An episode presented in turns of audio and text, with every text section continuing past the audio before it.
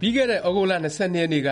ပြည်သူ့လွှတ်တော်မှာ ထူးခြားတဲ့ ဥပဒေကြမ်းတစ်ခု တင်ပါတယ်။၂၀၁၈ လောင်းကစား ဥပဒေကြမ်းလို့ နာမည်ပေးထားပြီး ခေတ်မမီတော့တဲ့ ၁၉၈၆ ခုနှစ် လောင်းကစား ဥပဒေကို အစားထိုးမယ်လို့ ပြည်သူ့လွှတ်တော် ပြည်သူ့ရေးရာ စီမံခန့်ခွဲမှု ကော်မတီဝင် ဒေါက်တာလင်းလင်းကျော်က ဆိုပါတယ်။ထူးခြားချက်ကတော့ ဒီ ဥပဒေကို အတည်ပြုပြီးသွားရင် နိုင်ငံခြားသားတွေချည်းပဲ ဝင်ရောက် လောင်းကစား လုပ်နိုင်မယ့် ကာစီနိုရုံလိုမျိုးတွေကို တရားဝင် ဖွင့်လှစ်ခွင့် ရသွားမယ့် သဘောလည်း ဖြစ်ပါတယ်။ဒီလိုသာ လုပ်နိုင်ခဲ့ရင် နိုင်ငံသားတွေနဲ့ တိုင်းပြည်ကို မထိခိုက်စေပဲ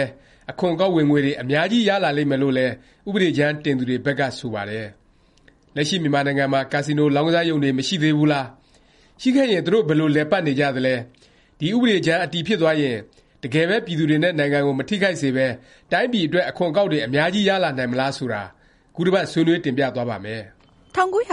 ၉ ခုနှစ် တပ်တွင်းပုန်ကန်မှုဖြစ်ပြီးနောက် တရုတ်နိုင်ငံ နယ်စပ်မှာ အခြေစိုက်တဲ့ အင်အားကြီး ဗမာပြည်ကွန်မြူနစ်ပါတီ ပြိုကွဲသွားပါတယ်။ဗကပ ပြိုကွဲသွားပြီးနောက်တစ်သီးတစ်ခြားစီဖြစ်သွားတဲ့၀တပ်ဖွဲ့၊ကိုးကန့်တပ်ဖွဲ့၊အင်န်ဒီအေကချင်လက်နက်ကိုင်တပ်ဖွဲ့နဲ့ မိုင်းလားတပ်ဖွဲ့တွေ ပေါ်ပေါက်လာပြီး အဲဒီနှစ်ထဲမှာပဲ တပ်မတော်အစိုးရနဲ့ အပစ်အခတ်ရပ်စဲ ငြိမ်းချမ်းရေး လုပ်ပါတယ်။ စစ်ပွဲမရှိပဲတည်ငြိမ်သွားတဲ့ အဲဒီတပ်ဖွဲ့တွေ အခြေစိုက်ရာ ဒေသတွေဟာ တရုတ်နယ်စပ်ဖြစ်တော့ နယ်စပ်ကုန်သွယ်ကူးသန်းရေးတွေ လုပ်ပါတယ်။သစ်၊ကျောက်မျက်ရတနာ၊ဓာတ်သတ္တု ထုတ်တဲ့ လုပ်ငန်းတွေ လုပ်ကိုင်ကြပါတယ်။နောက်ပိုင်း အဲဒီ လက်နက်ကိုင်တပ်ဖွဲ့တွေ ထိန်းချုပ်ရာ ဒေသတွေမှာ ကာစီနို လောင်းကစားရုံတွေ တည်ထောင်ကြပါတော့တယ်။ထုံးစံအတိုင်း တရုတ်သူဌေးတွေရဲ့ အရင်းအနှီးနဲ့ တရုတ်ပိုင်ရှင်တွေက ထူထောင်ကြတာဖြစ်ပြီး တိုင်းရင်းသား စစ်ဘုရင် တစ်ချို့က ဝေစုနည်းနည်းပါးပါး ရကြပါတယ်။ နဂိုမူလတုန်းကတော့ တရုတ်နိုင်ငံဘက်ခြမ်းက တရုတ်သူဌေးတွေ၊ငွေရှိသူတွေ လာကစားပြီး အဲဒီကနေ ဝင်ငွေရအောင်ရှာမယ် ဆိုတဲ့ ရည်ရွယ်ချက်နဲ့ပါ။ဒါပေမယ့် နောက်ပိုင်း အဲလို မျှော်မှန်းထားတဲ့အတိုင်း ဖြစ်မလာပါဘူး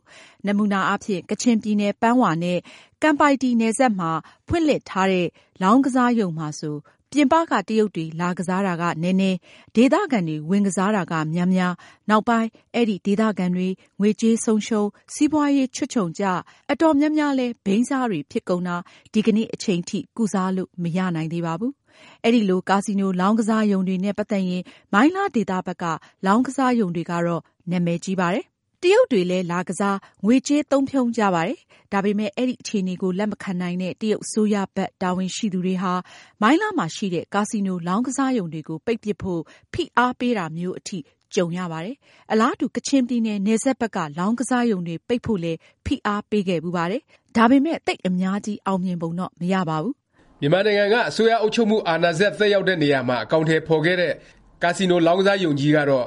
တနင်္သာရီတိုင်း ထိုင်းနယ်စပ် ကော့သောင်းမြို့နားက သူဌေးကျွန်း ကာစီနို လောင်းကစားရုံပါ။၁၉၈၈ အာဏာသိမ်းတက်လာတဲ့ တပ်မတော်အစိုးရက ဈေးကွက်စီးပွားရေး စနစ် ကျင့်သုံးမယ်လို့ ကြေငြာပြီးတဲ့နောက်ပိုင်း ခွင့်ပြုခဲ့တာ ဖြစ်ပါတယ်။လုပ်ပုံလုပ်နည်းကတော့ ထိုင်းသူဌေး တစ်ယောက်ကို ကျွန်းတစ်ကျွန်းလုံး လုပ်ကိုင်ခွင့် ပေးလိုက်တာ ဖြစ်ပါတယ်။သာယာလှပတဲ့ ကျွန်းမှာ ဟော်တယ်တွေ၊အပန်းဖြေစရာ နေရာတွေနဲ့ ကာစီနို လောင်းကစားရုံ အများကြီး ဖွင့်ထားပါတယ်။ ရနောင်းဘက်ကနေ ထိုင်းနိုင်ငံသားတွေ အမြန်စက်လှေတွေနဲ့ လာရောက်လေ့ရှိပြီး အဆင့်မြင့် လုံခြုံရေးစနစ်တွေ ထားရှိပါတယ်။ကျွန်းပတ်ကားလမ်းငယ်တောင် ရှိပါတယ်။မြန်မာနိုင်ငံ ကော့သောင်းဘက်အခြမ်းက လာမယ့် မြန်မာနိုင်ငံသားတွေကိုတော့ စိစစ်လက်ခံပြီး အရင် စစ်အစိုးရလက်ထက်ကဆိုရင် တိုင်းမှူးတွေ၊စစ်အရာရှိကြီးတွေဟာ သူတို့ မိသားစုတွေနဲ့အတူ သွားပြီး အပန်းဖြေလေ့ရှိတဲ့ နေရာလည်း ဖြစ်ပါတယ်။အဲဒီ သူဌေးကျွန်းကို ဘယ်လိုလိုင်စင်၊ဘယ်လိုဥပဒေနဲ့လုပ်ကိုင်ခွင့်တွေပေးထားပြီးတိုင်းပြည်အတွက်တစ်နှစ်အခွန်ဘယ်လောက်ရနေသလဲဆိုတာဒီကနေ့အချိန်ထိပြည်သူတွေသိခွင့်မရကြပါဘူး။ထိုင်းနယ်စပ်မြဝတီမြို့မှာပေါ်ပေါက်လာတဲ့ကာစီနိုလောင်းကစားရုံတစ်သီတစ်တန်းကြီးကတော့အများကြီးနောက်ကျပြီးမှပေါ်ပေါက်လာတာပါ။အဲဒီလောင်းကစားရုံတွေနဲ့ပတ်သက်ရင်နယ်ခြားစောင့်တပ်မှူးတစ်ယောက်ဖြစ်တဲ့ဗိုလ်မှူးကြီးစောချစ်သူပိုင်ဆိုင်တာတွေရှိသလို၊ BGF တပ်ဖွဲ့ကပဲလုံခြုံရေးပေးလည်ပတ်နေတာပါ။ အဲဒီ လောင်းကစားရုံတွေဟာ ထိုင်းဘက်အခြမ်းက လာကစားမယ့် သူဌေးသူကြွယ်တွေအတွက် ရည်ရွယ်တယ်ဆိုပေမယ့် လူနေအလွန်ထူထပ်တဲ့ ရွှေ့ပြောင်းအလုပ်လုပ်ကိုင်သူတွေ အများဆုံးနေထိုင်တဲ့ မြဝတီဧရိယာထဲမှာပဲ အများကြီး တည်ဆောက်ထားတာဖြစ်လေတော့ မြန်မာနိုင်ငံသားတွေပဲ အများဆုံးသွားကြ၊ကစားကြ အခြေအနေ ဆိုက်ရောက်စေပါတယ်။ဒါနဲ့ ပတ်သက်ပြီး ကရင်ပြည်နယ်အမတ် ဦးသန့်စင်အောင် မှတ်ချက်ချခဲ့ဖူးသလို၊နိုင်ငံအတွက်လည်း အခွန်မရ၊ လောင်းကစားကြောင့် ဘဝတွေ ပျက်ရသလို၊နောက်ဆက်တွဲ မူးယစ်ဆေးဝါး ပြသနာ၊ဒုစရိုက်မှု ပြသနာတွေ ဖြစ်ပေါ်လာစေတာကလည်း အမှန်ပဲ ဖြစ်ပါတယ်။ တတကယ်တော့ မြန်မာနိုင်ငံဟာ ဆင်းရဲတဲ့နိုင်ငံအဖြစ် ရှိနေဆဲပါ။ဒါကြောင့် မြန်မာနိုင်ငံသားတွေအတွက်ဆို လောင်းကစားရုံတွေ လုံး၀မလိုအပ်ပါဘူး။ဒါပေမယ့်လည်း အိမ်နီးချင်း တရုတ်နဲ့ ထိုင်းနိုင်ငံဟာလည်း ကာစီနိုလောင်းကစားရုံတွေကို ဥပဒေအရ ခွင့်ပြုထားတာ မရှိလေတော့ အာဆီယံအဖွဲ့ဝင် ကမ္ဘောဒီးယားနိုင်ငံ နမူနာယူပြီး အဲဒီအချက်ကနေ ခရီးသွားတွေ ဝင်ရောက်လာအောင်၊တိုင်းပြည်အခွန် ဘဏ္ဍာရအောင် ဆောင်ရွက်မယ်ဆို အဆင်ပြေနိုင်ပါတယ်။နယ်စပ်မဟုတ်တဲ့တစ်ချို့သော နိုင်ငံခြားသား ခရီးသည်တွေ လာရောက်လေ့ရှိတဲ့ မြို့တစ်ချို့မှာလည်း သီးသန့်ဇုံတွေ တည်ဆောက်ပြီး အကောင်အထည် ဖော်ရင်လည်း ဖြစ်နိုင်ပါတယ်။အဲလို အကောင်အထည် ဖော်နိုင်ရင် ကာစီနိုရုံတွေကနေ အမျိုးမျိုးသော အခွန်တွေ ရနိုင်သလို၊ဆက်စပ် လုပ်ငန်းတွေကနေလည်း အခွန်တွေ ဝင်ငွေတွေ ရနိုင်ပါတယ်။အဲဒီ လုပ်ငန်းတွေမှာ ဝင်ရောက်လုပ်ကိုင်မယ့် အလုပ်သမားတွေ၊လုပ်ငန်းရှင်လေးတွေ အတွက်လည်း အလုပ်အကိုင် အခွင့်အလမ်းတွေ ရစေနိုင်ပါတယ်။ဒါပေမယ့် အရေးကြီးတာ တစ်ခုက အဲဒီ လောင်းကစားရုံတွေအားလုံး ဥပဒေနဲ့အညီ ဖြစ်စေဖို့ပါ။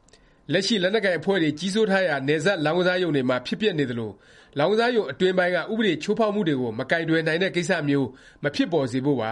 ။နောင်ပေါ်ပေါက်လာမယ့် လောင်းကစားရုံတွေမှာ လုပ်ကိုင်ကြမယ့် အလုပ်သမားတွေဖြစ်စေ၊ဝန်ထမ်းတွေဖြစ်စေ၊လာရောက် အပန်းဖြေ လောင်းကစား လုပ်ကြသူ နိုင်ငံခြားသားတွေပဲဖြစ်စေ ဥပဒေရဲ့ အကာအကွယ်ကို ရယူနိုင်ဖို့ပါ။ဒါမှသာ နိုင်ငံ့ပုံရိပ်ကို မထိခိုက်တဲ့၊နိုင်ငံသားတွေကို မထိခိုက်တဲ့၊တိုင်းပြည်အတွက်လည်း ဝင်ငွေနဲ့ အခွန်ဘဏ္ဍာတွေ ရလာနိုင်မယ့် လုပ်ငန်းမျိုးအဖြစ် ပေါ်ပေါက်လာနိုင်မယ် ဖြစ်ပါကြောင်း တင်ပြလိုက်ရပါတယ်